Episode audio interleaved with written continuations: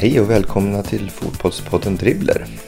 Dagens gäst är backklippan Teddy Lucic som halkade in som sista namn till USA-VM 94. Men han var även en del av de framgångsrika svenska landslag som kvalade in till VM såväl 2002 som 2006.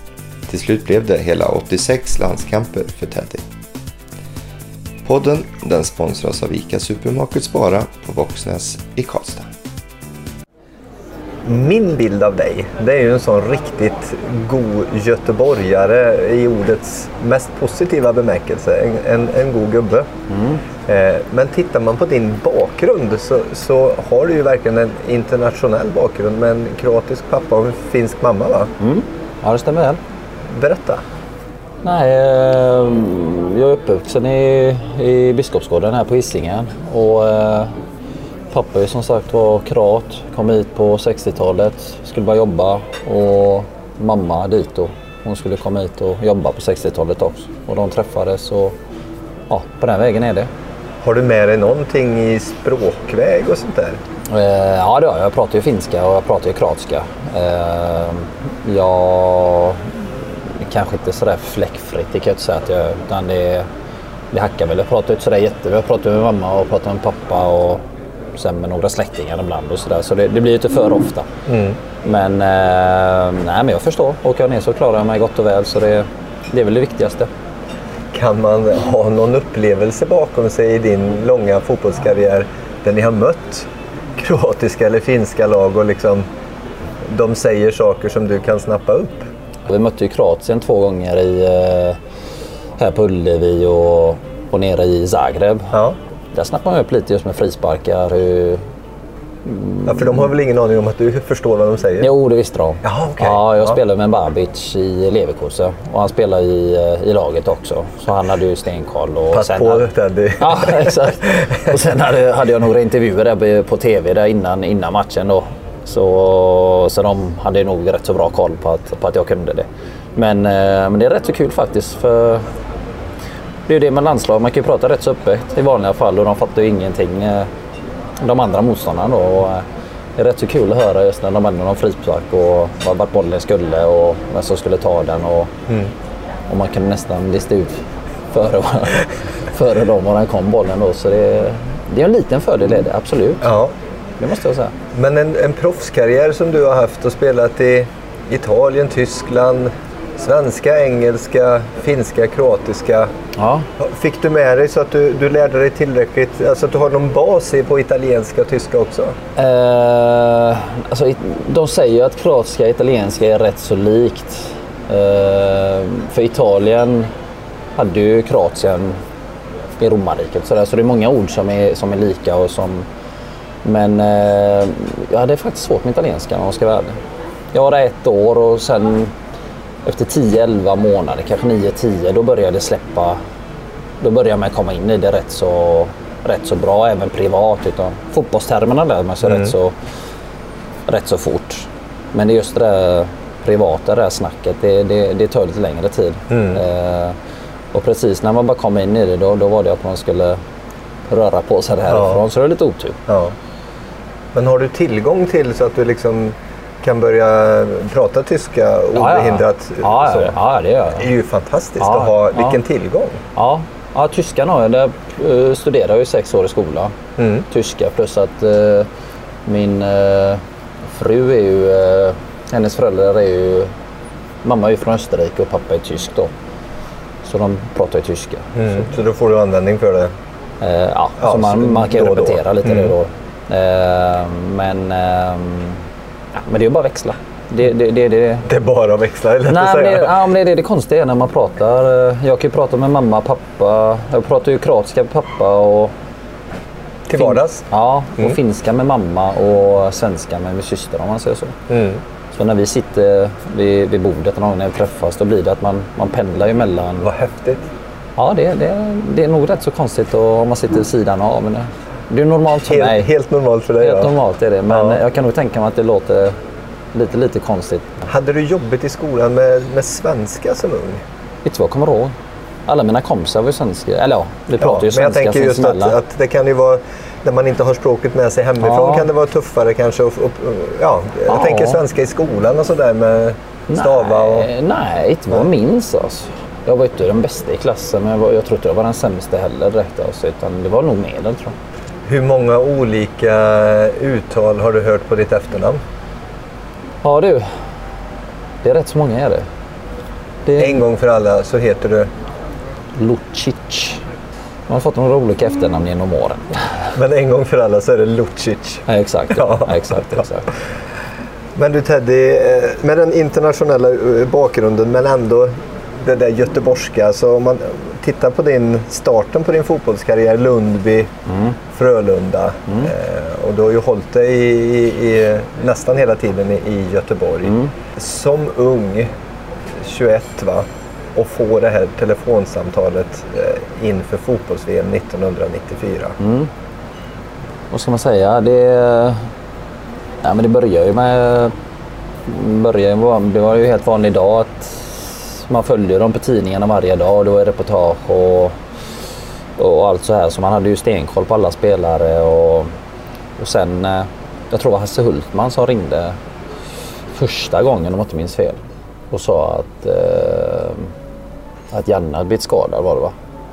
Och Eriksson, ja. Jan Eriksson och att de behövde fylla på truppen då. Eh, och sen efter det ringde nog eh, Tommy. Efter att han förvarnat mig. Om jag inte minns fel. Det var så länge sedan nu. Och, eh, nej, det var ju omtumlande helt klart. Först tror man inte att det är sant. Utan jag var inte ens med i den här bruttotruppen de hade innan, eh, innan eh, VM. Varför tror du att de ringde dig då? Jag har ingen aning. Jag vet faktiskt inte. De inte jag har inte frågat dem. Jag vet faktiskt inte vad det berodde på. Utan det fanns ju... Det var ju mängder av backar det fanns eh, då. Och, eh, men... Eh, jag vet. Det gick bra i u och det gick bra i Allsvenskan. Sen varför just det blev jag, det, det vet jag faktiskt inte. För hade, hade du spelat någon landskamp Nej, nej, innan? nej. Jag hade ingen landskamp. Det var u jag hade innan då. Ja. Ja. Eh, och det var inte många u matcher heller jag haft innan det här. Så det... Men... ehm, Men det är ju lite Buster-story nästan så. Ja, det känns ju lite så när man tänker efter så är det ju... eh, Det är ju stort när man tänker efter. När man är mitt i så blir det ju... Det blir inte samma sak utan då är man, hinner man inte reflektera över det. Men just när man tänker efter och pratar med folk om det så, så är det ju rätt så stort. Alltså. Men var, var känslan eh, ändå från din sida med tanke på att du inte hade någon landskamp att här, här är jag en truppspelare, det lär inte bli så mycket spel. Eh, ja, ja, så var det ju. Mm. Alltså, jag hade ingen tanke på att det skulle vara spel alls. Mm. Alltså. Utan, men det visste jag i stort sett. Alltså, alltså, eh, 21 år, inga landskamper och kommer in och hade spelat allsvenskan i... Jag började 93. Så hade det stort en, en säsong. Jag kom in mitten av 93 för jag låg i lumpen där eh, fram till sommaren. Så det var ju en... ja. En sommar innan låg du i lumpen. Ja, exakt. Så, det, så det gick ju fort. Alltså. Sen vet man vilka man har att konkurrera med. Man kan ju alltid... Eh, alltså man kommer dit. Det var ju Nissa hade varit där och Kåmark har varit med och Erlingmark var ju där. Och, och det var ett gäng bra rutinerade spelare innan och de har ju varit med i Champions League så man visste ju att man låg ju längst ner i ranken. Återigen bilden av dig, eh, att du har liksom personliga eh, egenskaper som en väldigt bra person som kan acceptera det. Kan det vara viktigt i ett, ett sådant sammanhang? Eh, ja, men så är det ju. Jag tror det gäller överallt. Även om du spelar i klubblag så är det ändå viktigt att acceptera att... Eh, och självinsikten alltså framförallt och se vad man står för dagen. Det är ju många man ser som, eh, som kanske haft eh, en halv säsong i Allsvenskan, gjort tre mål och, och vill spela i, i, i landslaget. Det kan ju vara åt det hållet om man säger så. Och det tycker jag är lite fel. Utan jag visste ju jag visste vad jag hade och visste vad jag hade för bakgrund och, och visste absolut vilka jag hade att konkurrera med. Och då, då vet man ju, då är det lite enklare. Och eh, sen har jag aldrig haft någon sån där eh, stress inombords heller. Att, att man ska till toppen från 0 till 100 på kanske en vecka om man säger så. Utan det tar ju tid. Och det är ju så man byggt upp kanske sin fotbollskarriär från grunden. När du kommer in då i, i, i det här gänget ganska sent. eh, Jag tänker, jag pratade med Rolle Nilsson. Han, han hade en bild av av Göteborg tidigt 80-tal som ett, ett väldigt, väldigt gött gäng att komma in i. Och han menade även att just det här 94-laget också var ett gäng vars sammanhållning och stämning lite grann kanske kan förklara också framgången. Hur, hur såg du på det? För att du kan ju inte på något sätt ändå ha varit i, i mitten utan du blir ju då ny, ung, grön, kanske lite i utkanten. Ja, ja, så var det absolut. Det är inget att snacka om. Utan, eh, men man märkte absolut att det var bra sammanhållning och de, det var inga problem att komma in i, gruppen så om man säger så. Men eh, jag höll mig med, på utkanten i alla fall om man säger så. Det, Se och lära. ja, så var det ju. Sen, var man ju, sen är man ju lite halvtyst av sig och tar det kanske inte för sig direkt heller. Men, eh, men absolut att de hade en, eh, eller vi hade ju en, eh, det var en riktigt bra sammanhållning måste jag säga. Det är ju en del i, i att det gick bra, det är absolut. Det är att det är sammanhållning, att det funkar. Men har du några egna personliga minnen från, från den här tiden? Nej men det är i stort sett allt alltså. Det är svårt att förklara. Alltså jag kom ju från Frölunda. Vad hade vi? 1500 på läktaren. Det var kanske två journalister. Eh, noll intresse i tidningarna. Eh, och så blir man inkastad i, i, ett VM där ja, det var, jag vet inte hur många journalister det var på träningarna. Det kanske var en 50-60 journalister och fotografer och sen var det fullt på läktaren, det var 60 000 och, eh, och man såg de här, eh, inte bara de här utländska stjärnorna utan alltså det var ju Brolin och Klas och Kenneth och Dalin och hela det gänget var man plötsligt nära om man säger så. Så allting var ju, det var svårt att ta till sig allting med en gång alltså. Så jag tycker allt, eh, varje dag, eller det man minns var ju, tog man ju åt sig eh, som en svamp kan man ju säga. Men sen var det ju mycket, det var mycket vila, träning och genomgångar och kanske någon liten fritid. Men det var ju mest fotboll eh, under den tiden man var där. Så, så det, nej, allting där var ju bara helt stort. Så man sög åt sig allting. Och kanske är viktigt för kommande eh, slutspel. Nu vart det ju ett, ett litet hack där men, men sen så fick ju landslaget under, under Söderberg och sen Lagerbäck en, en riktigt fin period. Tror du att det bygger man upp liksom erfarenheter som kan bli viktiga sen? Ja, det tycker jag. Alltså man, tar, man vet ju hur allting funkar. Som jag sa innan med journalisterna och vilket tryck det är på ett eh, VM och EM på spelare. Eh, så jag tror nog man kan bygga upp det där lite av att veta hur, eh, hur det fungerar. Har man olika lätt att hantera det? Kan man, kan man märka vissa lagkompisar som blir mer stressade än andra? Nej, jag tror alla har nog hanterat det rätt så. Det är väl några kanske, men just överlag tror jag nog alla hanterar det rätt så bra. Det är ändå viktigt. Det är ändå en vardaglig del av eh, en fotbollsspelare att ha journalister och, och, f- inte bara journalister utan folk, supportrar och så som, som pratar fotboll med dig och ställer krav och höjer dig och sänker dig och då gäller det att man, att man är förberedd. Men jag tror alla, är man i toppen så tror jag nog att man sköter rätt så bra. Eller att man klarar rätt så bra. Hur eh, pass förberedd var du på den där eh, hemkomsten och det mottagandet ni fick? Eh, nej, det var inte sådär jätteförberedd om jag ska vara ärlig. De, eh, men det var nog ingen som var förberedd på det. Utan eh, då fanns ju ingen internet eller någonting så man hade ju knappt någon koll. Och jag tror inte man läste tror inte vi läste, läste jag någon tidning från, från Sverige i USA då utan det var ju mest att man fick höra det på via folks munnar då att folk berättar vad som hände där hemma. Och kanske att man ringde hem då att, oh, att det är bra tryck och, och så här. Men att det skulle bli ett sånt mottagande, det, nej, det var, nej, det var stort. Är det det häftigaste du har varit med om? Ja, det ja, häftiga. Ja, det är ju topp i alla fall. Och några andra grejer absolut, men eh, det är ju något man kommer komma ihåg. Det, är det, det, var, nej, det var stort var det. Nej, men man börjar ju fatta just när man kom in med planet. Först när man flyga in över Stockholm. Va? Lite många som får göra det, att man flyger över, över stan sådär. Och sen är det två, jag tror två Viggen eller två jaktplan där som flög vid sidan. På. Det har man ju inte varje dag. Nej, det har man Eh, Då började man ju fatta att vänta nu vad är det som händer alltså. Nu, nu, och sen flög vi över parken där och, och då såg man ju, eller över stan, nu, då såg man ju shit, det där var, nu, nej, det kommer bli mycket folk det där. Och då, då blev jag faktiskt lite nervös. Men eh, ja, det var stort var det. Stämmer citatet “Det var det bästa sommarjobb jag har haft”? Eh, Citat Teddy Lucic. jag har inte haft så jättemånga sommarjobb men eh, det måste jag nog säga att det var. det är lite dumt att säga något annat. Nej, nej, men det, det, det absolut. Häftigt. Ja, det var häftigt. Var. Steget till Göteborg sen då, några år senare. Då har du ju träffat de här, jag vet inte vilken, vilket umgänge ni har kanske mellan lag och sånt där i, i samma stad. Men det är ju många göteborgare i den här truppen och du går till Göteborg, det är väl 96? 96 ja. Ja. ja. Hur, hur var den? Var det liksom en friktionsfri flytt och en, ett naturligt steg i karriären? Ja, det tycker jag ju. Friktionsfritt, absolut. Det var ingen, det som du sa innan, det var ju flera där jag kände som har spelat med u och många har träffat ute här också. Så det var absolut inga, mött dem i träningsmatcher och matcher så det var absolut inga problem. Det var ett naturligt steg att ta.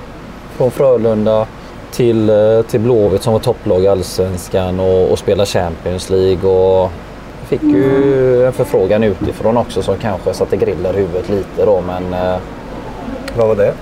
När jag fick från eh, eh, Crystal Palace från England.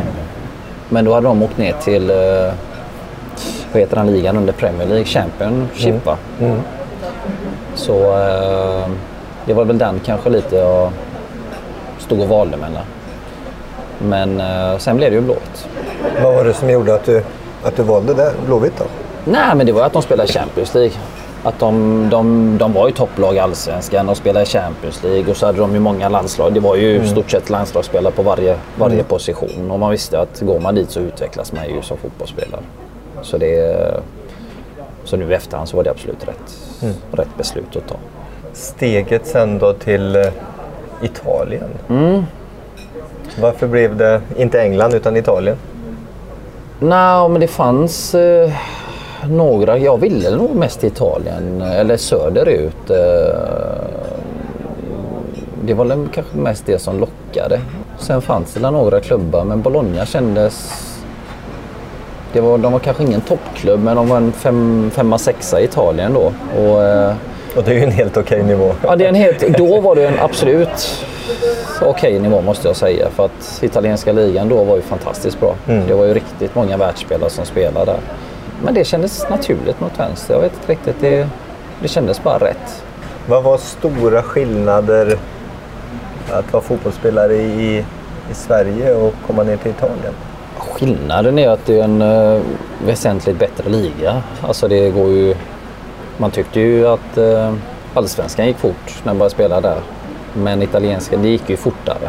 Alltså alla var ju så mycket bättre med boll och det var snabbare spel och det var ju allting höjdes ju ett eller två snäpp om man säger så. Man trodde just att man hade spelat Champions League eh, några matcher, jag vet inte, jag hade kanske en 10, 15, 15 matcher i Champions League eller något sånt där. Så man trodde att man skulle komma hyfsat förberedd men det, det var en stor omställning. Det, det måste jag säga. Sen är det att man, man är ju lite mer... eh, Hemma är man ju hela tiden, vad ska man säga? Man är ju påpassad där på något vänster av klubben. Man, eh, är det något strul så hjälper de dig och man får ju alltid hjälp här hemma om man säger så. Utomlands är det lite mer att man, man är ju lite mer eh, själv och Utlämnad. lite mer utlämnad. Ja. Var det någonting som du upplevde som jobbigt? Nja, jag har ju tänkt på det efteråt. Alltså när, när jag har presterat som bäst. Alltså, då har jag varit trygg i, trygg i mig själv och det, har- det har varit bra vid sidan av plan och allting har fungerat med klubb och, eh, och allting då. Och då kände jag kanske lite Bologna att just när man inte har kompisar riktigt och man har inget riktigt privatliv där. Eh, alltså ingen umgängeskrets riktigt. Jag hade ju Klas och, Klas och Kenneth men eh, det är ju inte det att man kan hänga med dem hela tiden utan så, så det var ju mycket, mycket dödtid. Och det var väl lite halvjobbigt. Så är det. Men det var ju första klubben och man lär ju sig av det också. Det var ett, ett knepigt år förra året när hela den här hypen kring 94-laget var som störst. Och, och sen i slutet på året, eh, Klas bortgång. Då. Hur, hur såg du på det? Vi hade ju ett år i, i Bologna och sen hade vi landslag om man säger så. Men sen kommer ju sen när man inte spelar i samma lag, det blir ju lätt att man kommer ifrån varandra. Att man inte har kanske den här eh, eh den jättetäta kontakten om man säger så. Eh, men sen blir det ju Sen blir det mer på sms. Man kanske ringer någon gång om man säger till Klas eh, eh, och frågar hur det var. Skicka något sms hur det var och, och så här. Um, Förstod du hur allvarligt det var?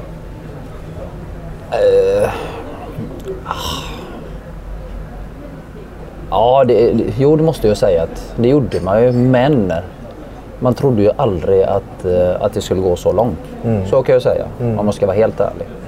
Uh, jag hörde ju av många i Elfsborg och jag har ju spelat där på Elfsborg och att det var illa just där i slutet att det var illa ställt med Men jag hade aldrig tanken på att, på att det skulle gå så långt. Mm. Utan jag har hela tiden tanken på att det, det kommer fixa sig. Alltså att eh, han kommer lösa det och ja, det har han ju gjort sedan, sedan början. Då, att han har ju mm. kämpat emot så. Eh, eh, och det gick ju bra första vändan där med den här eh, transplantationen där. Och, nej, så jag blev nog lite ställd. Eller man blir ju lite mm ja, chockad då mm. när de sa att han har gått bort. Mm. Så är det ju. Utan uh, innerst inne trodde jag nog att han skulle klara det. Att det skulle fixa sig. Mm. Även om man visste att han hade det tufft. Mm. När du kommer hem eh, från Italien, då är det Stockholm, då är det AIK. Mm. Ur-göteborgaren åker till, till Stockholm. Kruxet tror jag att jag fick inte spela något i Bologna, då vill man ju bort. Och, uh, de som hörde av sig med en gång och var mest ihärdiga, det var ju AIK. Och där fanns ju um, Kåmark var det. Andreas Andersson var det också. För att spela med i, i Blåvitt. Man tänker väl lite på att det är Göteborg eller Stockholm man ska vara ärlig. Utan jag ser det mer som ett, att det var ett jobb. Alltså. Om man tar till exempel sådana givna faktorer som vad får jag för lön och för villkor? Mm. Är vi med i Champions League till exempel? Häftiga matcher som man ser fram emot. Mm. Och kontra vilka finns där? Vem är tränare? Känner jag några i laget? Alltså, mm. Hur viktigt är sådana här olika bitar? Uh, nej, men det är viktigt är det.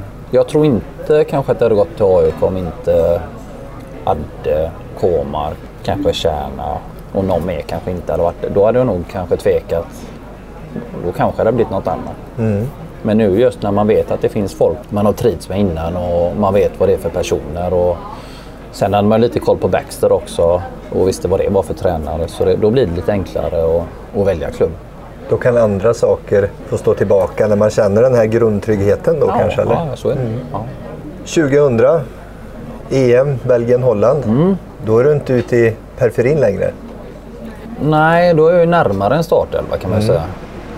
Absolut, men det, det är inte det att jag är fast i laget. Men eh, det är väl där kanske 2000 jag börjar känna lite att min tid eh, kanske börjar komma. För vi har ändå haft ett bra backlinje. Vi hade ju Rolle, Jocke, Patrik och vem var det mer? Ljung spelade Ljung, ja, ja. Mm. Just det. Ja, Roger Ljung får jag inte glömma. Så det var ändå stabil och bra backlinje. Det är inte lätt att slå sig in där. Men börjar du någonstans där känna att nu, nu är jag med och konkurrerar på allvar? Ja, det måste jag säga. Mm. Uh, är det annorlunda då att komma till träning? Liksom? Kommer man in på ett annat sätt? Alltså mm. man blir lite, jag vet inte om omedvetet, men man blir mer delaktig i allting. Mm. Uh, säga att man är en 20-23 eh, spelare som var i VM, då är man ju man är ju inte delaktig. Alltså genomgången. Du får spela i laget med västar som... Ja, det är ju så. Och sen genomgången så sitter man halvsova kanske, inte lyssnar helt. Och, mm. eh, det blir lite så att ja. man inte är helt i fokus. Men vet du att du spelar då är du fokus 100% hela tiden. Så det, det blir en skillnad, absolut. Mm. Mm. Och det märker man ju bara just på journalister. Alltså, är du en startspelare då får du, då är det mycket snack med journalister och är inte startspelare att du är 20-23 då blir det att man... Mm. Då går man ju rätt förbi. Så det, nej, det är lite skillnader i det. Om man har bilden av 94-laget som ett, ett, riktigt bra landslag mm. och sen lite baksmälla kanske mm. i de kommande kvalen sen. Mm. Men, men någonstans här 2000 eh, ser du startskottet för ett nytt storlag då? För att 2002-2004 sen, då mm. känns det ju som att då, då är ju ett sånt där riktigt kanonlag på gång igen. Ja, att få, där kan man säga att det var ju Skarmen. Mm. 99, 2000, ja. där, 2000 kanske. Är det, kan man märka av sånt i en trupp att vissa börjar bli till åren och nu kanske det är sista gången, nu kommer det nya och trycker på. Kan det bli lite friktion och lite, så här, lite spänningar och sånt? Uh, ja, man märker ju av det gör man ju absolut. Men uh, inte att jag har märkt att det blivit någon typ av uh, gnäll eller, eller något sånt här. Det, det tycker jag inte. Utan alla har kört på och varit proffsiga på den biten. Mm. Jag har inte sett i alla fall att det har varit något gnäll eller kött eller, eller något sånt här mm. mellan spelare yngre mm. eller äldre. Mm. mm. Utan eh, det har flyttat på bra tycker jag. Får man göra en massa saker som ung spelare i ett landslag sådär? Eh, finns det sådana grejer som man ska gå igenom som ung eh, landslagsspelare? Nej, inte i, nej, i landslaget var det så. Utan där träffas man ju så pass sällan. Mm. Och det är lite korta samlingar också ibland. Och då har man inte tid till sånt. Utan mm. där blir det ju... Det är mer fokuserat? Där liksom. är det mer fokuserat, absolut. Har du klubblag så har du där, där är du hela året och där kan man hitta på lite, lite bus och lite skoj och så, här. så mm. det, Men det just när du träffas med landslaget, du kanske har en, en onsdagsmatch, så träffas man ju på eh, säg lördagen och så spelar du onsdag så, så åker alla igen på torsdagen. Så det, mm. så det är mycket, mycket mer fokus kanske mm. runt de matcherna. Det är mm. så, så pass kort period. Men sett till alla de föreningarna och de olika länderna du har varit med i, är det så att din tid i Göteborg, att det var mer sånt även andra halvan av 90-talet, att det är någonting speciellt med kulturen i den föreningen? Det kanske var lite, lite mer i, i Blåvitt kanske. Men vi hade det i Frölunda också när vi spelade, att vi hade hittat på lite grejer. Mm. Men eh, kanske lite mer i, i Blåvitt. Var, var, du en eh, busare? Uh, nej, nej det var jag inte. Uh, nej, det var jag inte. Det var nog uh, några andra som skötte det bättre än mig. Så jag hade ju träningsläge och kom ner och så uh, skulle jag duscha och skulle byta om och sen skulle jag ta fram mina kläder så fanns ingenting i, så fanns ingenting i garderoben. Alltså alla skor och alla kläder och allting var helt länsat. Och, Vet man vem man ska gå till då? Nej, eller? då har man ingen aning. Men då tror jag vem var det som sa det? Att eh, gå ner till receptionen tror jag de sa till mig. Ja, då skulle jag gå ner till receptionen. Och så receptionen, gick ner till receptionen och frågade efter mina kläder och de fattade ingenting. Och så skulle jag gå ut och fråga efter kläderna i, eh, på någon som var i poolen tror jag. Jag bara fick för mig att jag skulle ut dit och fråga för det var någon som var ute och sola. Och eh, kommer gående där med kläderna och sen tittar jag på poolen och så ser jag att det är kläder och skor och ligger och flyter i poolen alltså mängder av kläder och så tänkte jag bara, ja det var ju ett jätteroligt skämt. Undrar vems kläder det där är och så tog det en hundrade och så plingade det till i huvudet där när man började märka att oj, oj, det där är min tröja det där. Och, Påminner mycket om din tröja. Ja, och det där påminner inte utav mina skor utan det där är mina skor. Då såg jag att det var mina grejer som flöt omkring i poolen och det var inte så jättekul om jag ska vara ärlig. Men, eh, nej, men det är sådana grejer händer ju ja. titt som tätt. Mm. Men efter åren i AIK då? Eh, Leeds och Bayer Leverkusen, mm. England och, och, Tyskland. Ja. Vad, vad minns du från de perioderna? Leeds, eh, riktigt kul tid tycker jag. Där trivdes jag fantastiskt bra. Eh, bra tränare, eh, riktigt bra lag. Vem hade ni som tränare då? Eh, Terry Venables. Okej. Okay. Ja, han var där och... Eh, Sedermera förbundskapten va? Ja, han var förbundskapten också. Och sen var det ju ett bra lag. De kom ju till semifinal året innan i Champions League. Ja, nej, trivdes jag riktigt bra Leeds, måste jag säga. Vad var det som var bra där tycker du? Nej, det var bra stämning. Det var eh,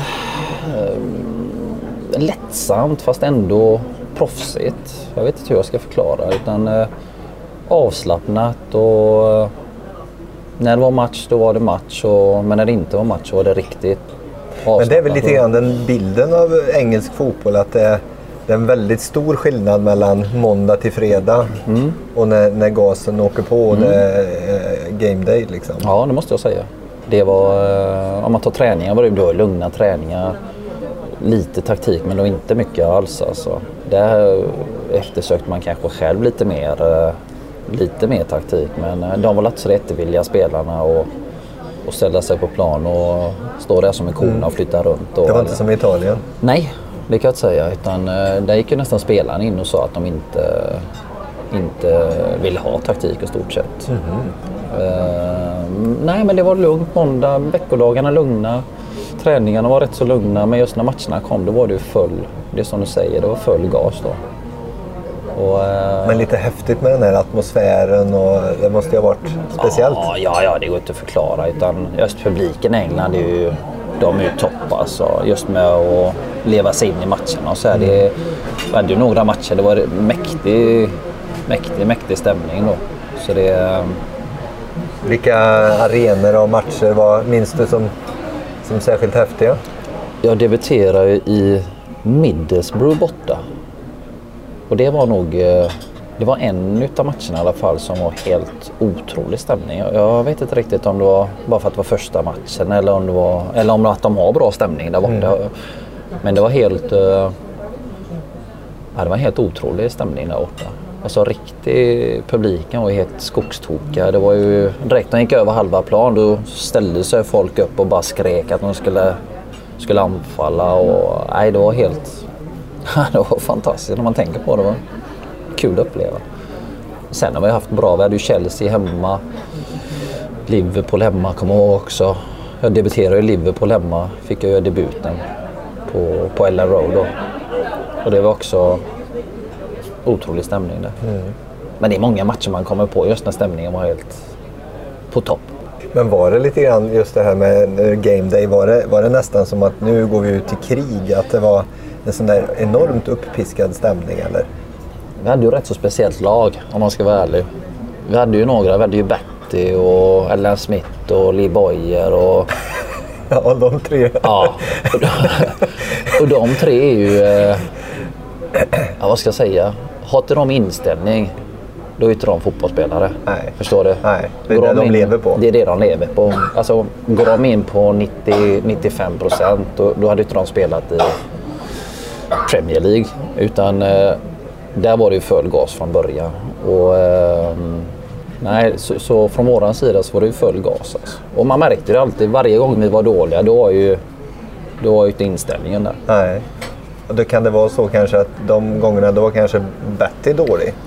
Att han kunde vara en sån katalysator för resten av laget med sin ja, men det, det, ja, energi. Ja, det, de, de drog ju med sig eh, Ja, men det gör de ju. De drar ju med sig hela laget. Just när de tre och eh, ska se högerbacken, den eh, rakade. Mills, den är Mills också. Mm. Jag menar de tre, fyra drog tag i det, då, då var det ju... Fick man höra om man liksom gjort en halvtjaskig bakåtpassning? Att... Ja, ja, det var ju, ja, ja, så är det Alltså det är ju alltså... Alltså under match i England var det, då, då sa man ju vad man tyckte. Mm. Det var inget smygande där utan där blev man ju utskälld och hur tog det. du det då? För det, så, det tänker jag kanske inte riktigt är kulturen i Sverige. Nej, nej men det... Jag kan säga så här att eh, då blir man ju... Ibland hade de ju rätt mm. och då höjde man sig. Och ibland hade de ju fel och då blir man förbannad. Och då höjde man sig kanske lite även då. Mm. Så det, men sen är det att de är ju lite mer eh, Eh, på i England, lite mer aggressivare i snacket och ibland behöver det inte vara så illa ment. Utan det är bara mm. kulturen. Så, kulturen, exakt. Ja. Mm. Men kommer man som svensk och ser på en Premier League-match för första gången och man sitter vid sidan kanske. Då, då tror jag nog man får en liten tankeställare att eh, vad är det som händer? Utan det är inga snälla ord och det, det är rätt, rätt så grovt mellan spelare och det är grovt mellan domaren och Mm. Alltså, det finns ju spelare som har skrikit alla möjliga ord till domaren. Men det händer inget? Det händer, nej, nej. han bara säger till dem att knipa igen och så går han därifrån. Mm. skriker man sådana ord i Allsvenskan då får man rött kort med en gång. Ja, okay. Så är det ja. Så, så det, stor skillnad ja, alltså? Ja, det är det. Det, det måste jag säga. Mm. Det, ja, det är det. Det är inget att snacka om. Mm. Men var det viktigt att på något sätt eh, markera hit men inte längre. Alltså, någon jävla ordning får det vara vad du säger. Att det var viktigt att stå på sig inför de andra. För att få, få liksom respekt för sig själv. Ja, ibland kunde man ju köta emot om man säger så. Men just under match, alltså jag själv vill ju inte hålla på och diskutera. Man har ju sett vissa spelare som kanske när någon blir tillsagd och så kan inte den personen ta det så det är diskussion mellan två spelare. Inom laget, ja. Inom laget och det gillar jag inte om man ska vara ärlig. Nej. Utan- Men det ser ju inget bra ut. Nej, det ser inte bra ut och det, jag tror inte det blir någon positiv utveckling för, för dem eller för laget i sig. Utan ibland kanske man har sagt till dem att ja, håll käften någonting. Och så man bara fortsätter spela. Bara kort och så, vet, så kanske de vet att nästa gång får du... Är det något du... Då får du ha lite mer på fötterna. Exakt, Ja. exakt. Men sådana här killar som, som du sa, som Betty och Smith och de här. Hur, hur var de eh, utanför plan? Hur lugna som helst. Betty jättesnäll, lugn, trevlig. Eh, Ella Smith sa är ett ljud så. Och Lee Boye var, han var lite mer som en spelering spexare.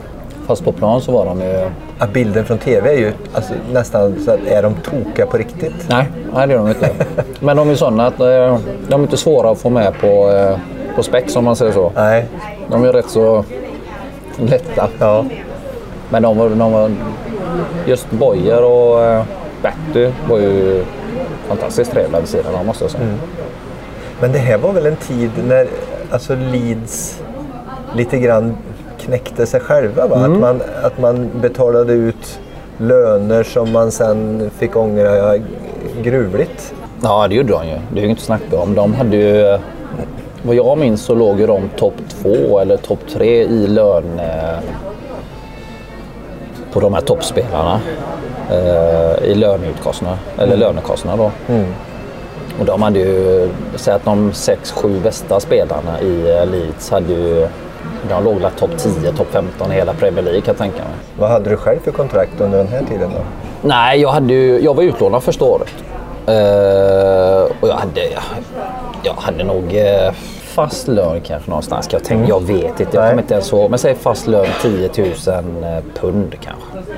I veckan. Ja, så kan det nog vara. Och då kan Och man blir- multiplicera det med ett par gånger på, på, på de här spelarna som, Ja, ja, som ja, du nej, nämnde. ja, ja jag låg ju nog... eh, Jag kan nog eh, legat i... eh, Säg att det var uppdelat i tre, tre skift om man säger så. Toppskift, mellanskift och tredje skift. Jag kanske låg toppen på tredje skiftet kanske. Ja. Någonstans där kan jag tänka mig. Eh, Jag vet att det var några som hade lite mindre och jag vet ju definitivt de som hade mer om man säger så. Men det knäckte ju nästan en sån anrik klubb. Att man kan göra så ändå, att man spekulerar i att man alltid ska komma till Champions League. Ja, det, men jag tror det är tufft. många, ja, men jag tror det är många utav klubbarna som gör det, som gör det nu. Ja. Eh, De här säg Liverpool och Chelsea och de budgeterar nog in de här Mm. mm. Champions League-pengarna. Du har ju så att du missar ett eller två år av eh, Champions League, det, det kanske du klarar. Mm. Men sen tredje året, då, då, är det ju, då är det kört. Och det var det som hände med, med Leeds lite. Mm. Att det var det andra året, tredje, andra tredje året där de inte gick till Champions League och då, då, ja, då rasade det upp Då fullständigt. går det snabbt ut. Ja, ja, det gör det. Men England, det är ju enorma pengar i England. Det är, jag kan nog tänka mig att de är, det har höjts, eh, det har höjts något ännu mer där på... Mm. Ja, det är ju, så är det ju bara. Det här var ju tio år sedan. Så jag kan tänka mig att den sämst betalde kanske ligger på, på mina summor kanske. Mm. Så jag kan tänka mig att om du bara tittar på de här bäst, bäst betalda, de här eh, Rooney och West Brown läste någonstans att han krävde en 75-80 000 pund i veckan. Det tyckte Okej. han var marknadsmässigt då. ja. Och vad snackar vi då? En mil, miljon i veckan? Då är det en miljon i veckan Ja. plötsligt. Och då har han kanske 40 brutto om året. Och, eh, och för mig är det en kanske medelspelare. Som hade sina bästa dagar i United. I United, Ja. absolut. Ja. Och, Men det var ju eh, ett tag sedan. Det var ett tag sedan. Men eh, ja, då vet du ju Mm. om du ska gå från West Brom ner till Wayne Rooney. eller upp till Wayne Rooney, då, ja, då kan man ju bara Ja. fantisera vilka summor det rör sig om. Ja. Och det är ju samma neråt också. Att även de som kanske är... West Brown såg jag som en 10, 11, 12 kanske United. Mm. Men om man har 75 då kan man gissa vad de är 18, 19 har. De ligger ute på 10. De kanske ligger på en 20, 30 då plötsligt. Ja.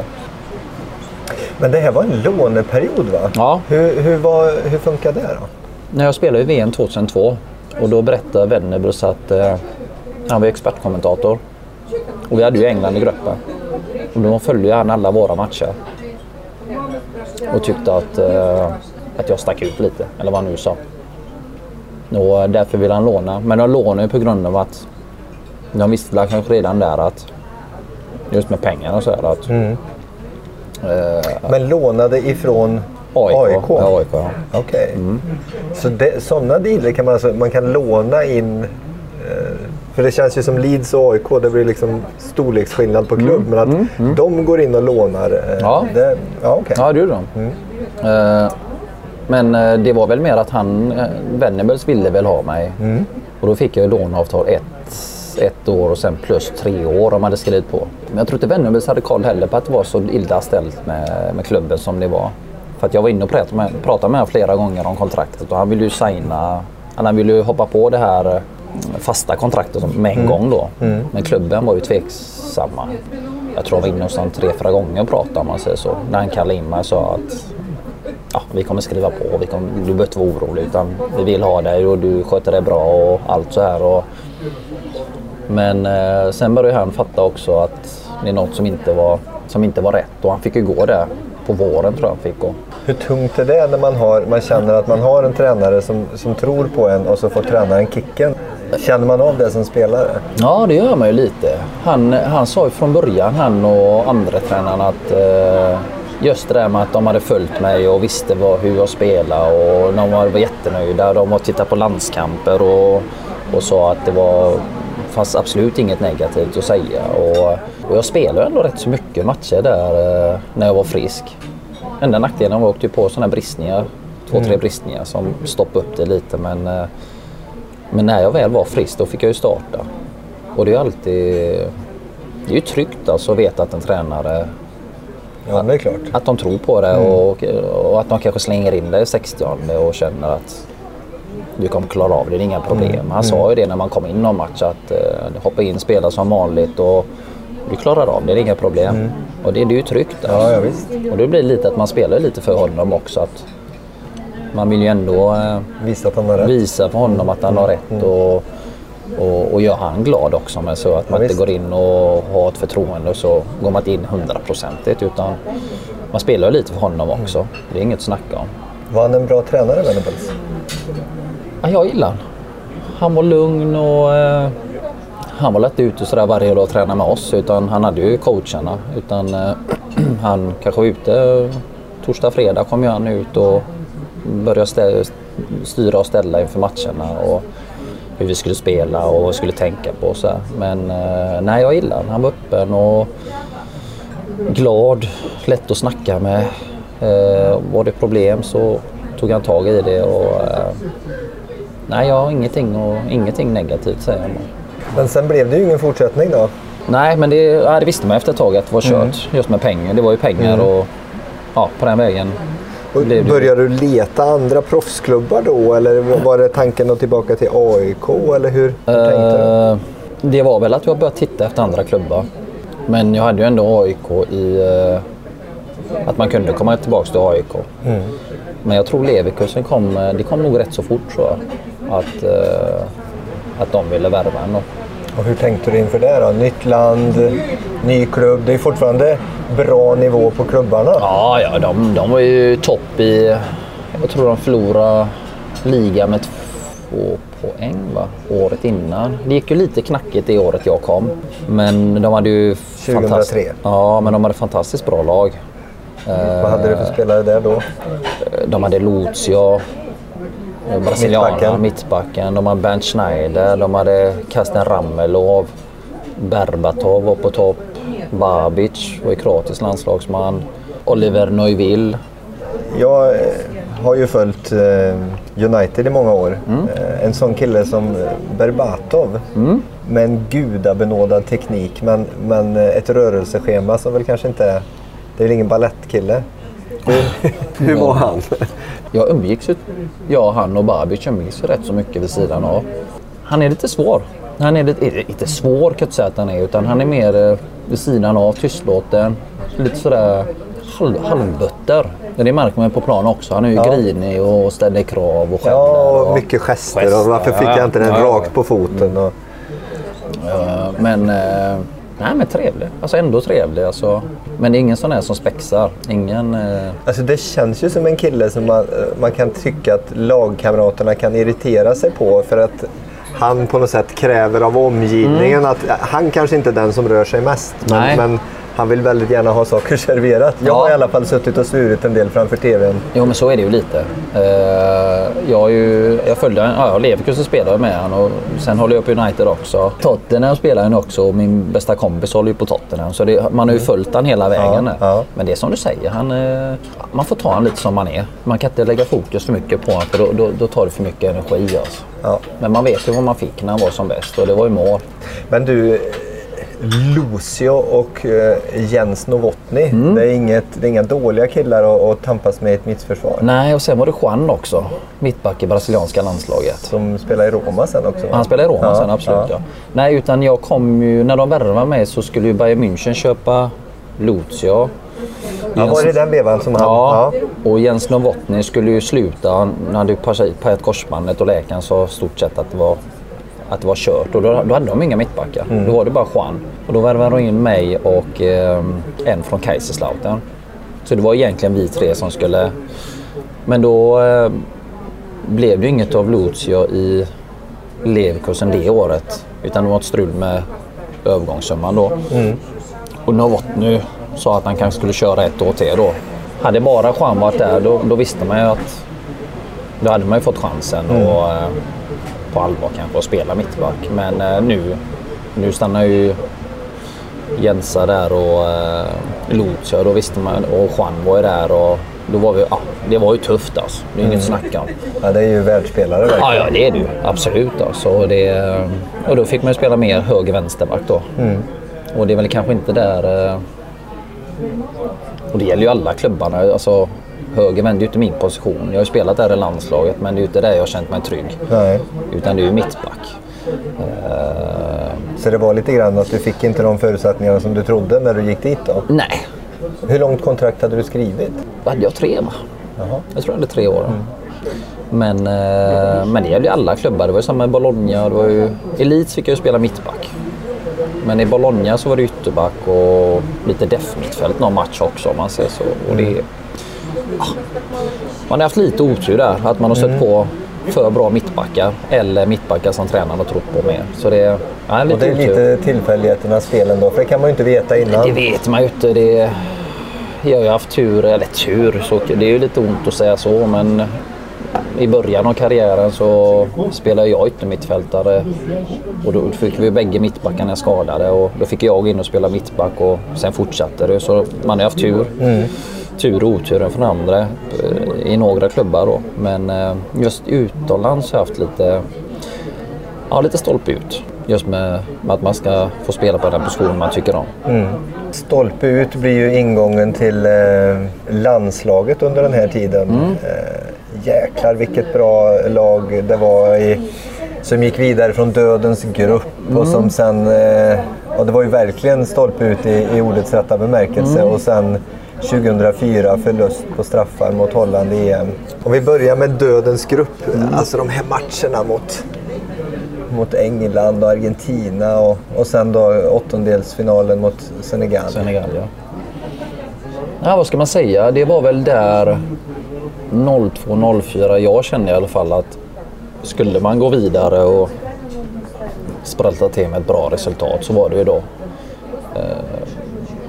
För 02 kändes som att vi var odödliga på något vänster. Att det kändes som att vad man än gjorde så blev det rätt. Mm.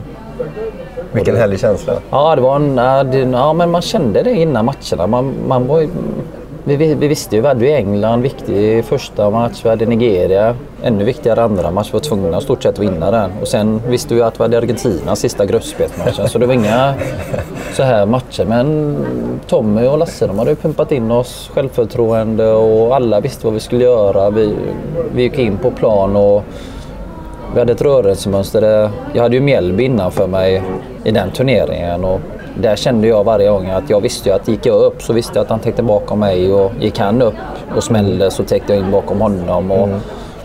och, och Ljungan framför mig kanske. Och, och det var ju viktigt. Och 02-04 kändes det som att Det var åren när vi skulle lyckas. Men sen gäller det att ha tur. Mm. Det är inget att snacka om. Stolpe in. Ja, stolpe in där. Då har vi plötsligt eh, Turkiet i kvarten och de slog vi ju i gruppspelet. Precis. Och sen var det ju Sydkorea i, i semin. Så det var ett av de värsta motståndarna direkt. Nej. Eh, Så hade vi tagit Senegal så vet man ju aldrig. Och, eh, men det gäller att ha tur. Hur, hur, hur var ett omklädningsrum efter Senegal-matchen? Ja, ja, jag fick ju doping direkt efter det. Så jag var tvungen att sitta där fyra timmar eller någonting. Men, eh, Dubbel eh. Ja, nej, men det var inget kul att sitta där med de här Senegalspelarna, två stycken, som var helt överlyckliga och, och bad och, och körde allting i, i, i rummet. Utan, eh, nej, det var tufft. Det var nog... Eh, just i efterhand så var det, det slet nog rätt så bra. Utan det var nog tufft när man kom hem också till, och skulle börja spela allsvenskan. Hur länge sitter det sånt där kvar hos dig? Liksom att, fan också. I vanliga fall så släpper jag nog det rätt så fort. Men eh, just Senegal 02 var nog, eh, det var nog bland det värsta om jag ska vara ärlig. Eh, Alltså det som tog mentalt riktigt hårt. Att det är som så innan, just när man känner att man har sånt bra lag. Alla i stort sett formtoppade och sen åker ut på, på det viset. Var känslan det att det verkligen var... Att det kändes som att alla är på, på, på toppen? Ja, Hade ni den känslan liksom i gruppen? Ja, det tror jag nog. Det tror jag nog. Nej, men det, kän, det, det känns konstigt eh, just när man tror att vi vinner där. Det är inga problem. Vi kommer ta det. Vi gick in i förlängningen och kände att vi var pigga. Och det var ju varmt. Vi spelade ju mitt på dagen om jag inte minns fel. Det var en riktigt här varm dag. Men ändå kändes det som att vi, vi är starkare än de här. Vi kommer ta dem. Och vi har ju chanser. Men ehm, och sen har vi ju stolpen när Anders skjuter stolpen och så tänker man nu, nu kommer det snart. Alltså det, det, kom, det kommer, det kan inte bara hålla så här länge. Nej. Och sen får de ett sånt där strumpskott i Ja. stort sett som går in i, i jag tror inte ens han får en rätt träff där utan han fumlar in den i Ja. om man säger Ja. så. Ja, det är lite kul när man ser att bollen är på väg in och man märker att Ni är på väg ut. ja, nu är det kört. Alltså. Ja, det är svårt att förklara. Men den var tung den här känslan. Lasse och Tommy som, som par, hur var de? Hur kompletterar de varandra som tränare? Nej, jag hade ju dem redan 93, 94. 94 med U21. Så jag hade ju eh, känt dem eh, ett bra tag innan de tog över A-landslaget då. Men eh, de kompletterar honom riktigt bra tycker jag. Lasse var ju mer taktiken kanske.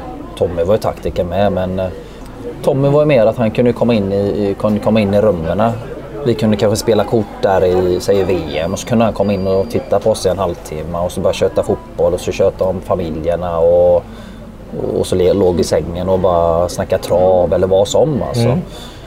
Så han eh, kom in i gruppen.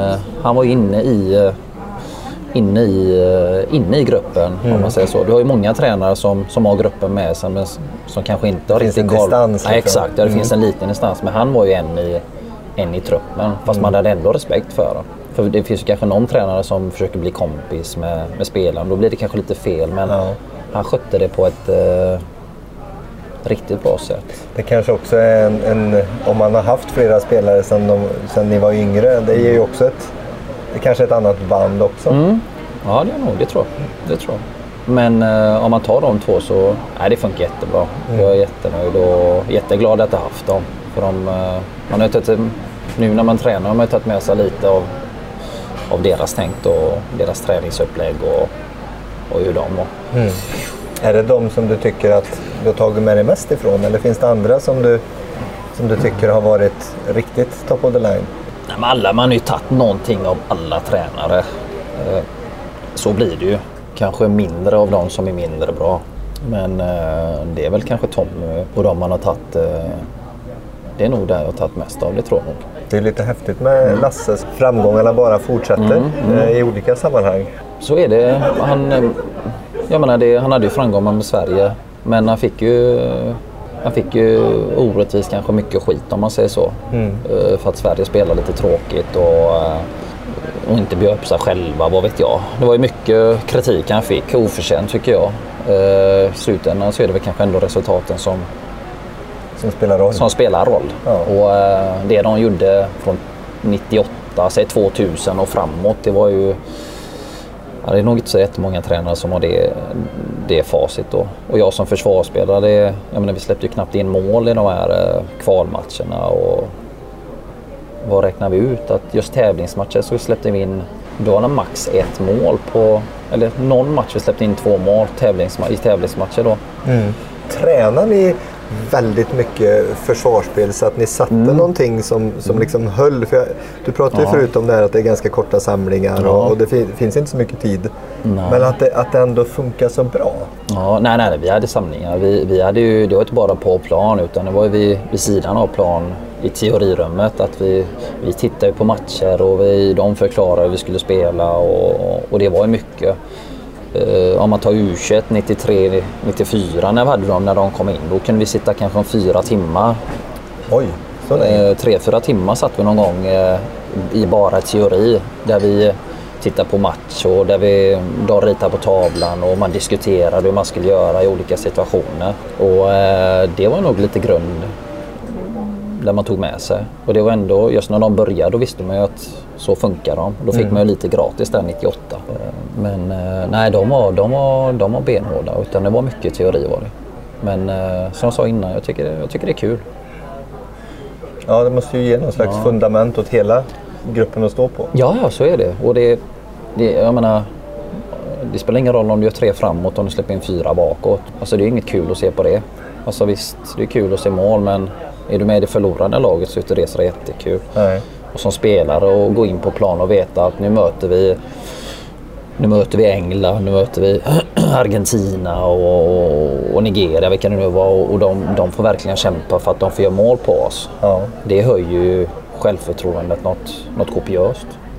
Men den matchen mot Argentina, Mm. alltså jag vill ju minnas att det var något sånt kopiöst tryck mot De, er. ja. Ja, ja, ja, de körde ju och, hål på och, oss. eh, Och sen Anders frispark som Ja. ju var helt eh, gudomlig. Men hur är det att spela en sån här match när det liksom de bara kommer i våg efter våg efter våg? Jag minns ju att de hade ju, det var instick och det var inlägg och det går inte att stoppa ett sånt lag när de är... De, var ju, de visste ju, de var ju tvungna att vinna. Och de körde ju full gas från, från minut ett. Fast ändå mitt i den pressen så kändes det ändå på något vänster... eh, Ja, det kändes tryggt alltså. Jag vet inte. Det, det, alltså det, det ska det inte göra med tanke på hur de hade ju målchanser men ändå märkte man att, att det kanske kan gå i alla fall. Jag vet inte, det är svårt att förklara. När man ser vissa chanser de hade, fast när man är... Man upplever det lite olika på plan och, vi, och när man ser det på TV. Men det kändes som att vi, vi, vi kan nog ta en knipa en pinne men det kommer bli tufft alltså. Men sen ju matchen, ju längre matchen lider och, och man märker att det är 0-0, det höjer, det höjer ju oss. Och, Ja. och det är ju, man märker ju på dem att de blir lite mer eh, stressade, lite mer frustrerade och så här. Men, eh, men, men det är som du säger, de hade ju, de hade ju chanser, det är ju inget att snacka om. Men eh, du måste sätta dem. Senegal 2002, eh, Holland 2004. Mm. Eh, en till sån här riktigt sur, eh, Mm. Neslig förlust. Ja, det måste jag säga. Jag var inte med. Jag blev skadad där första matchen. Fick ju fraktur i revbenet där. Så jag satt ju vid sidan av. Så man var inte sådär jätteinvolverad i... Nej, men känslan i gruppen om du jämför. Nej men det här kändes samma sak som 04, 02. Att det var i stort sett samma trupp. Om jag inte minns fel. Kanske var någon in och två in kanske. Men det kändes som en stark grupp. Att... Som har fått två år till på sig. Exakt, och växa till. Och vi gjorde ett bra eh, kval också. Starkt kval, just defensivt också. Ehm, så där kände man kanske att det, det kan nog... Uh, av ett hus så kan det räcka långt alltså. Men ehm, ja, det är ju det här med turen. Kvartsfinal var det va? Mot Holland sa du. Ja. Straffar. Och straffar är ju... Tränar man mycket straffar sådär utifall att? Eller är det någonting som kan glömmas bort? Jag tror inte det tränas Nej, jag tror inte vi...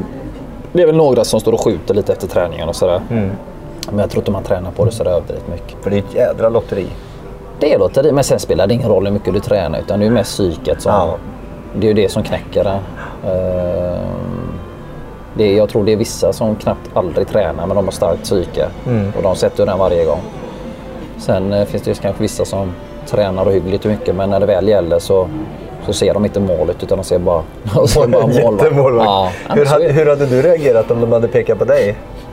Nej, det är nog... eh, Jag har ju tagit straffar till och från sådär, men jag har nog tagit det. det jag har nog- Känns det, känner du dig liksom inspirerad av situationen mer än hämmad? Nej, men det är nog både och. Det blir ju tryck alltså. Alltså tänk dig själv, man går fram och så är det Ja, jag hade 50 nog 000. svimmat. Ja, men jag tror många har ju den känslan när man går Ja, fram. Alltså. ja. Alltså, en obehaglig känsla tror jag många har. Ja, det syns ju på en del att Ja. det här, den situationen trivs man inte i. Nej, men jag tror nog eh, så här 90 procent av alla som går fram och tar en sån straff i kvartsfinal, semi eller final, de, de är inte tuffa när de går fram till straffpunkten. Sen är det många som spelar att de går fram eh, ut med bröstet och upp med huvudet, men inombords är de ju... Då är de nervösa. Alltså. Ja. Det, det är ingen som är trygg i en sån situation. Men, eh, men hade jag... jag nog, nej, det hade inte varit några problem. Jag hade inte tackat nej, det tror jag nog inte. Nej. Men det hade varit ett enormt eh, tryck och ansvar, det är det ju. Efter Bayern sen då och det här eh, EM-utträdet. Då är det tillbaka hem till Göteborg. Är det hem för gott då eller känns det som att eh, vi får se vad som händer? Nej, det var nog för gott. Då var jag ju 32 va? Eh, nej, utan då kände jag att jag ville bara hem. Eh, vi hade... Nadine föddes ju 03 i England. Och eh, vi skulle få barn i maj 05 om man säger så. Då kändes det som att det var dags att kanske gå hemåt. Och sen gick det ju sådär i Leverkusen heller. Du vet det man spelar ute frekvent. Jag fick kanske en 15 matcher på två år eller någonting. Någonstans där. Så jag kände att det. Jag om, jag, om jag går så det det inte det att de dör om jag försvinner. Så Men det var fortfarande så där så att du ville lira på? och Det var... Ja, jag spelade var inga problem. Nej, Nej. nej, det, nej, det ville jag absolut. Alltså. Men det är att man kände att man ville hem. Och nu vill jag ändå hem till Göteborg, utan inte till Stockholm eller Malmö. Eller, utan hem då och rota sig lite. Men du är ju fortfarande i det här, en bit över 30, med i landslaget hela vägen, ända till, till 2006 i Tyskland. Ja. Det finns ju en bild av dig, jag vet inte om du är trött på den eller om du tycker att det stämmer, men, men den här bilden av att Teddy Lucic, han är så bra som det behövs. Och att det känns som att i landslaget spelar ingen roll om du spelar i Frölunda eller Häcken eller, eller i Manchester United. Förstår du? Att, Ja. vad, vad säger du om den bilden? Är den, är den rätt? Ja, men den, ja, den stämmer nog lite, det tror jag. Alltså det, det var väl det man var lite orolig när man flyttade hem. Då tänkte man kanske att, att det inte blir något landslag med. Just när man kommer till Häcken. Det var kanske ett 8-9 lag i Allsvenskan om man säger så. Ehm, att de kanske sa att kunde tänka sig att vi tar någon annan då. Men eh, nej, utan de, de sa ju, Lasse sa att vi ville, eller det, han sa ingenting egentligen utan det var ju bara att köra på. Och, och det gick ju bra i matcherna. Eh, I kvalet gick ju, jag måste säga att det var nog bland det bättre. Då fick jag ju spela mittback också. Fortsätta spela mittback och det kändes jättebra. Jag kan nog inte säga att det var något negativt det där när jag flyttade hem. Att det skulle bli... Jag var lite, lite orolig men det... Men det var lite parallellt med Alex också, Alex Andersson. Ja, eh, som ju också var med långt upp i åldern. Att det kändes som att de höll kvar. Alltså, skitsamma hur gammal man är, utan är du bra nog får du spela. ja, ja. ja. Någon annan tränare kanske hade sagt nu ska vi satsa på lite yngre. Ja, ja så kan det ju vara. Jag tror inte de nämnde någonting att jag spelade Häcken eller, eller att jag behövde spela utomlands för att spela landslaget. Nej, Utan eh, det räckte att du var Teddy. Ja, jag vet inte. Men de såg att det funkar bra. Ja. Och, det, och det gick ju faktiskt bra i kvalet. kändes fantastiskt bra. Men den omställningen och sen möta... Eh, nu kändes det ju som att ni var numret mindre i matchen mot Tyskland Ja, som ja, ni åkte ur. Och, och du är utvisad tidigt och så vidare. Men det där steget mellan en, en träning med Häcken till VM-match med, mot Tyskland. Det, är liksom, det, är lite, Mm. Ja. det blir sådana extremer på något sätt. Ja, Utan det. att förringa Häcken, men ändå nivån blir ju ganska stor skillnad. Ja, ja, det blir stor skillnad. Men sen, jag hade ju England och Paraguay och uh, vilka var det som var med i gruppen med Trinidad. Just det. Så det var ju tre... 0-0 första. Ja, där, va? 0-0 Mm. första ja. Sen fick man ju England. Jag menar, där höll man ju, hängde man ju med. Så det är ju ändå ett kvitto på att Mm. Ja, ja, visst. man höll ju. Men sen är ju den här Tysklandsmatchen, det var ju... Jag vet inte vad som hände där. Vi försökte Vad- analysera det hundra gånger sådär efteråt. Men det, vi var bara helt snett på det från, från minut ett kändes som. Alltså. Ja, alltså det, det kändes som en sån match där... Den, inte, inte uppgivet ska man inte säga, Nej. men att den kanske ändå kändes hela tiden som att ni såg på er själva som, som numret eh, mindre? Eller? Nej, jag vet inte riktigt. Utan jag, jag tror inte det är de skallarna hade vi inte i laget. Utan vi, det, jag tror inte det var så att Nej. vi gick in och var underlägsna. Utan vi hade ju, vi hade ju Tobbe, vi hade Ljungan, vi hade Henke, Zlatan och det är ju ändå många vinnarskallar och jag tror inte det och inte, jag kan inte tänka mig att jag in, var in och tänkte att vi är underlägsna Tyskland. För Vi har Nej. ändå mött bra landslag innan. Absolut. Men det, det kändes rätt så tidigt att, jag vet, inte, att vi kom fel på det helt enkelt. De lyckades med allt och vi hade jäkligt svårt att få något ut av det. Och sen fick man ju det röda också. Och det hjälpte ju inte laget heller om man ska vara Nej. ärlig. Det var väl... Knepigt eh, rött kort. Ja, det var väl två knepigt gula kort om man ska vara ärlig. Ja. Men han var ju på mig från... Jag tror jag hade två tacklingar innan. Alltså 100 procent. Det var inget fel på dem. Två glidtacklingar. Där han gick in efteråt och började mm, sa mig typ att eh, ja, nästa gång får du gult om du inte lugnar ner dig. Och det var inget fel på de tacklingarna. Redan mär- märkte jag lite att Blir man Att osäker då? Ja, det blir man ju. Så blir det. Alltså jag, man såg ingen anledning att han skulle komma fram och kommentera tacklingar.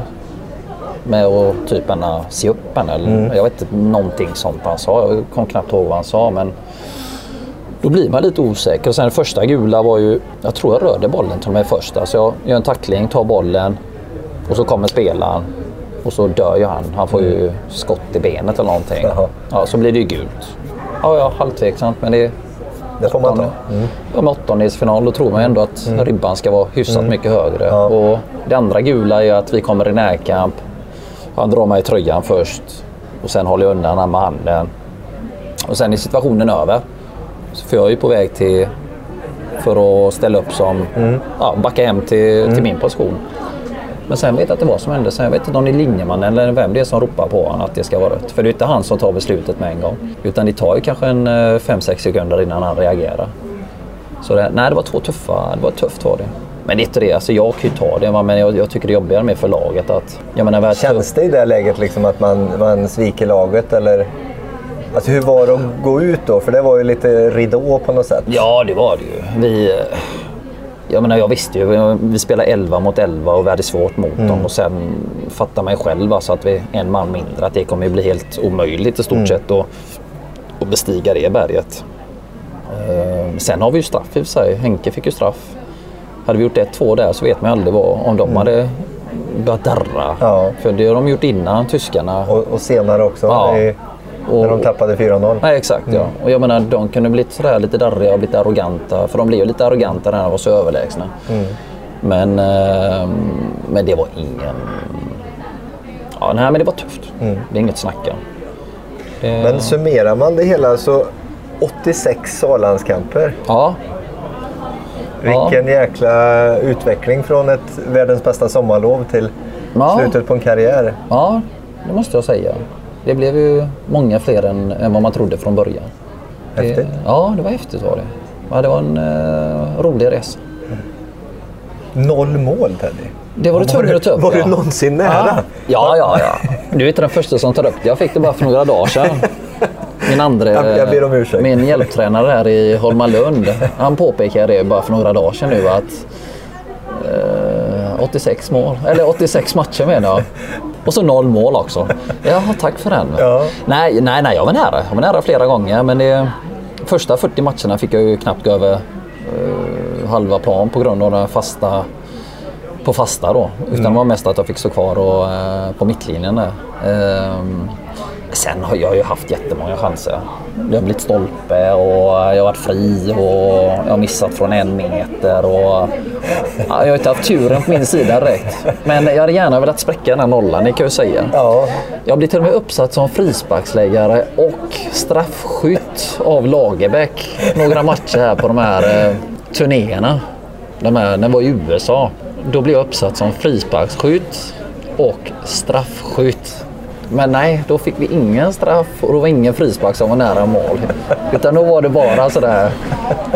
Nej, jag vet inte vad som hände där. Men eh, Vi Nej. skiter i målen Teddy. Ja. 86 landskamper. Ja, det det är vi inte många som på. kan, eh, som, kan säga, som kan säga det. nej, nej. Du avrundar i Elfsborg. Ja. Eh, Har lite problem med ljumskar. Ja, Hur, hur mår kroppen idag? Uh, uh, nah, nu är det okej. Förutom att jag fick ett uttänkt ledband nu när jag spelar med Oldboysen. det där är farliga matcher. Ja, det är faktiskt. Jag är inte den enda heller så det är, som blivit skadad i den hallen. Men, uh, nej, men det är bra. Det är lugnt. Det mm. känns okej. Okay. Teddy Lucic, det här har varit eh, superkul. Och nu har du, kan man ju se att du har nästan hela bullen kvar. Mm. Det har varit eh, det varit mer snack än bulle. Ja. Eh, men, men vi har en, en sak kvar. Mm. Eh, ett All-Star team signerat mm. Teddy Lucic. Ja du. Med de eh, grejerna du har varit med om och, och de spelarna, eh, vad har du för... Är det spelare du har spelat med eller hur har du tänkt? Jag, jag har tänkt eh, svenska spelare jag har spelat med. Ja.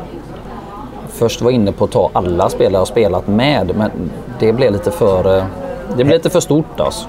Men eh, nu sa vi svenska spelare. Ja, det var du som sa det. Ja, men den bästa jag mött kan vi ju ta. Ja, vi Eller den värsta jag mött. Ja, vi kan ta både och. Det är, sånt är alltid roligt. Nej, men det är nog både och det där. Mm. Mm. Nej, då det... Den bästa och värsta du har mött? Ja, det, ja men det är sak samma det. Brasiliana, Ronaldo, brasiliana mötte jag en eller två matcher. Ronaldo, ursprungs-Ronaldo ska ja, vi väl säga då? Ja, mm. när han spelade i Inter. Ja.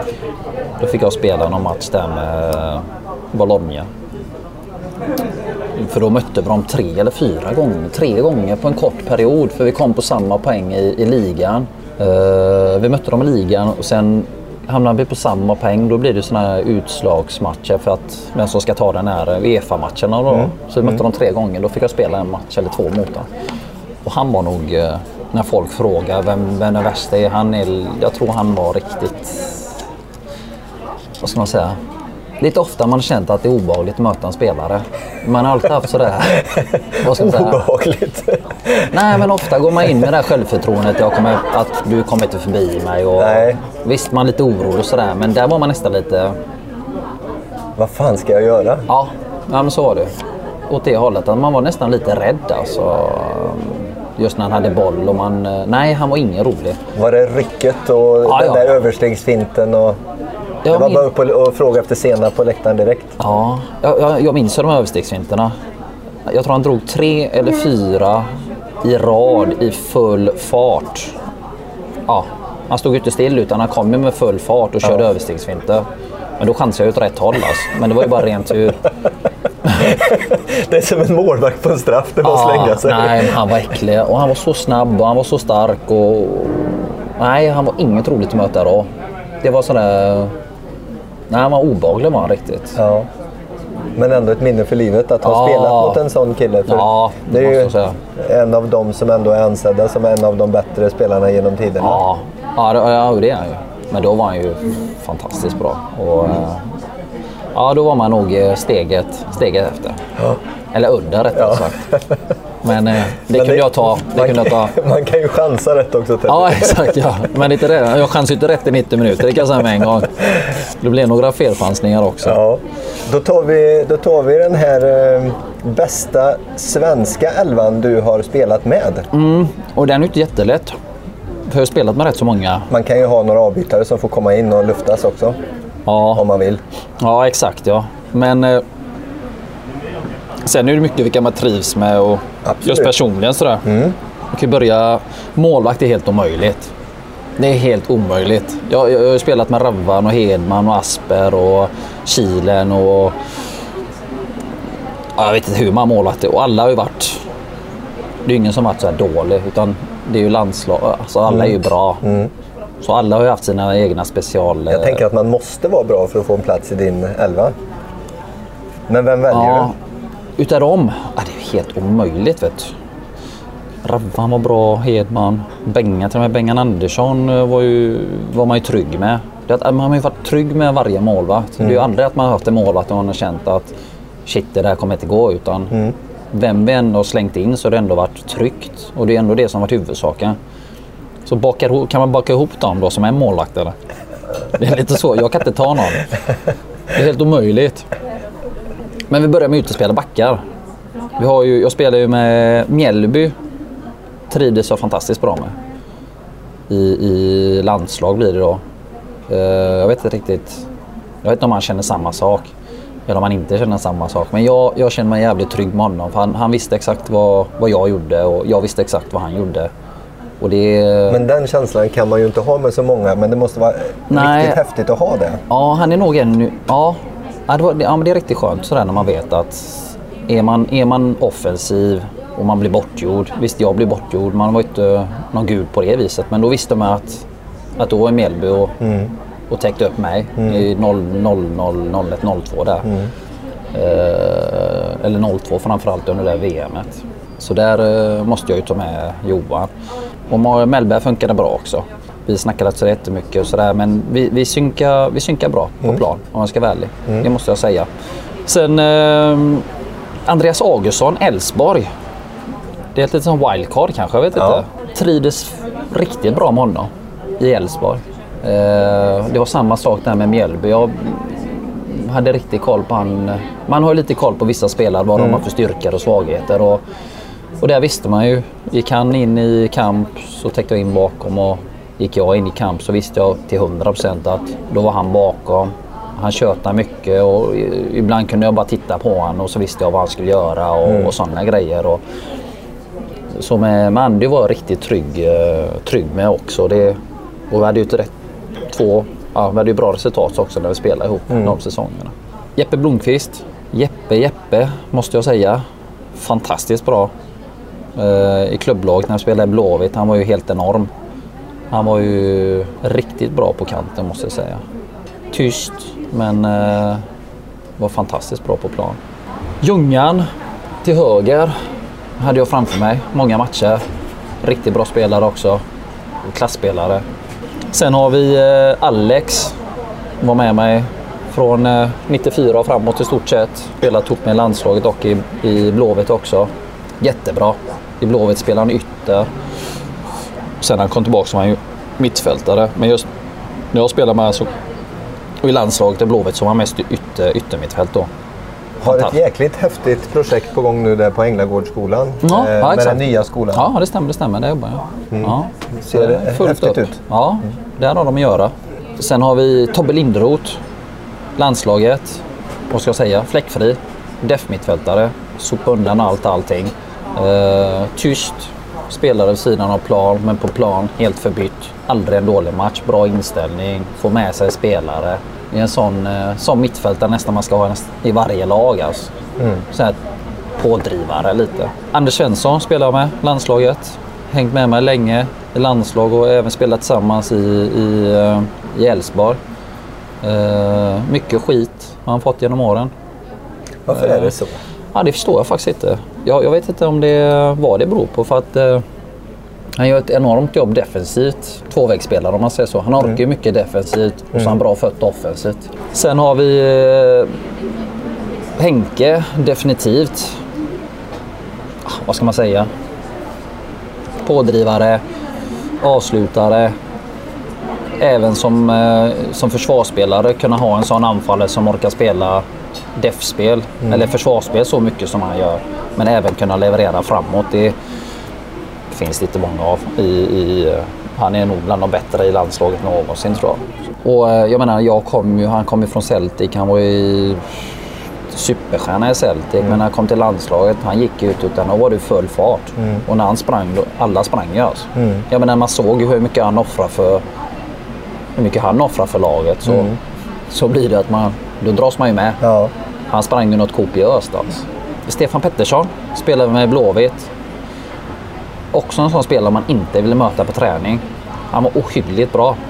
Också lite sådär små, inte fått den credden riktigt kanske. Nej, och det är flera som har lyft fram honom just. Jag vet att Men Jesper jag- pratar väldigt gott om honom Ja, också. ja okej. Eh, Ja, kul han fick ju med honom i sitt lag och då hade han ändå eh, mycket folk från United och Parma. Aha, så aha. kommer ändå Stefan Pettersson. Ja, nej, men han var uh, tystlåten men fast man lyssnar ju på honom. Men han var fantastiskt bra eh, på plan. Alltså rörlig, alltid någon tanke med när han fick bollen. Det var aldrig det att han gjorde någonting eh, utan att veta vad han skulle göra. Utan det var alltid tanke med löpningarna. Ibland kunde de bara springa iväg och så undrade man vad han gjorde och så var det för att öppna upp en yta till, till en annan istället. Sådär. Och sen eh, sist eh, har Adde på topp va? Adde fick jag spela med landslag och Jag får det till 12 spelare då. Men det, Får men det till kan, 12? Men det kan... 3, 4, 5, 6, 7, 8, 9, 10, 11 ut. Ja, men det, så blir det ju. Ja, Jo, men så är det ju. Nej, för jag hade missat en back där. ja men det är... Vi, vi, vi, vi Jag har plockar in säkert glömt någon mer, vet du. Där är på... Jag har ju... Ja, men han får ju vara in och ut där då. Ja, Det måste jag ju. Han är definitivt med i laget. Mm. Spelar man 96, 97, sen i AIK och sen i landslaget. Fantastiskt bra spelare. Eh, grym avslutare. När vi spelade i Blåvitt spelade han och Stefan på topp. Och så hade vi Jeppe och, Jeppe och Alex på kanterna. hyfsat eh, Det uppställd. var ju fantastiskt bra eh, offensiv. Det är ju inget att snacka om. Det är, alltså till och med de här toppklubbarna i Europa hade ju problem med, mot dem om man säger så. Jag var ju förvånad för att han kom ju från Degerfors va? till Blåvitt 96 va? Och säsongen innan hade jag spelat i var det Tidaholm eller? Kan det stämma? Ja, Tidaholm. Hova? Hova kom, ja han är född i Hova. Ja. Vad är det för pajas vet du? Alltså vad är det? Alltså, kan han komma till Blåvitt vet du och spela till Degerfors? Alltså, jag kommer ihåg det så väl. Jag bara tänkte vad är det för människa de har värvat? Jag hade ju knappt någon koll på honom sådär. Men eh, sen fick man ju nog eh, ett bryskt uppvaknande där för han var fantastiskt bra. Alltså. Just de två åren var ju han och Stefan var ju helt... Ad, ja, ja, Nej, det var bra. Ja, det var Så bra så att det i din uppställning inte finns någon Zlatan Ibrahimovic. Jag kom faktiskt tänka på att jag glömde. Det är det jag sa med glömma spelare. Vet du. Det här Ja, var nu... ja. Nej, men han ska med. Hade jag slutat idag med fotbollen så hade han varit solklar detta. Så kan man säga. Mm. Eh, Men han ska ju med i laget definitivt. Eh, Sen finns det ju alltid spelare man glömmer. Men vi behöver inga fler målvakter i det här laget, eller hur? Nu har vi fem va? det har jag inte glömt i alla fall. Teddy Lucic, eh, jag tycker att du har tagit ut ett Ja. härligt lag med, och det räcker ruggigt mycket fina minnen. Mm. Tusen tack för att du tog dig tid idag. Tack så du ha, tack så du ha. Det var kul. Ja, det var riktigt kul att sitta ner på ett café i Göteborg och snacka fotboll med Teddy Lucic. I nästa podd hör ni mer från den här killen. Nu har ni ju precis hört Teddy Lukic och det var ju han som eh, fick min plats i VM 94. Och det var väl genombrottet kan man säga för honom. Så att jag har hjälpt Teddy då till en framgångsrik fotbollskarriär. Eh, Och mig hör ni nu 17 april i Fotbollspodden Dribbler. Ja, det var EM-hjälten från 1992, Janne Eriksson. Han är gäst i nästa podd som sponsras av ICA Supermarket Spara på Våxnäs i Karlstad. Tills dess får ni ha det så bra i vårsolen. Hej!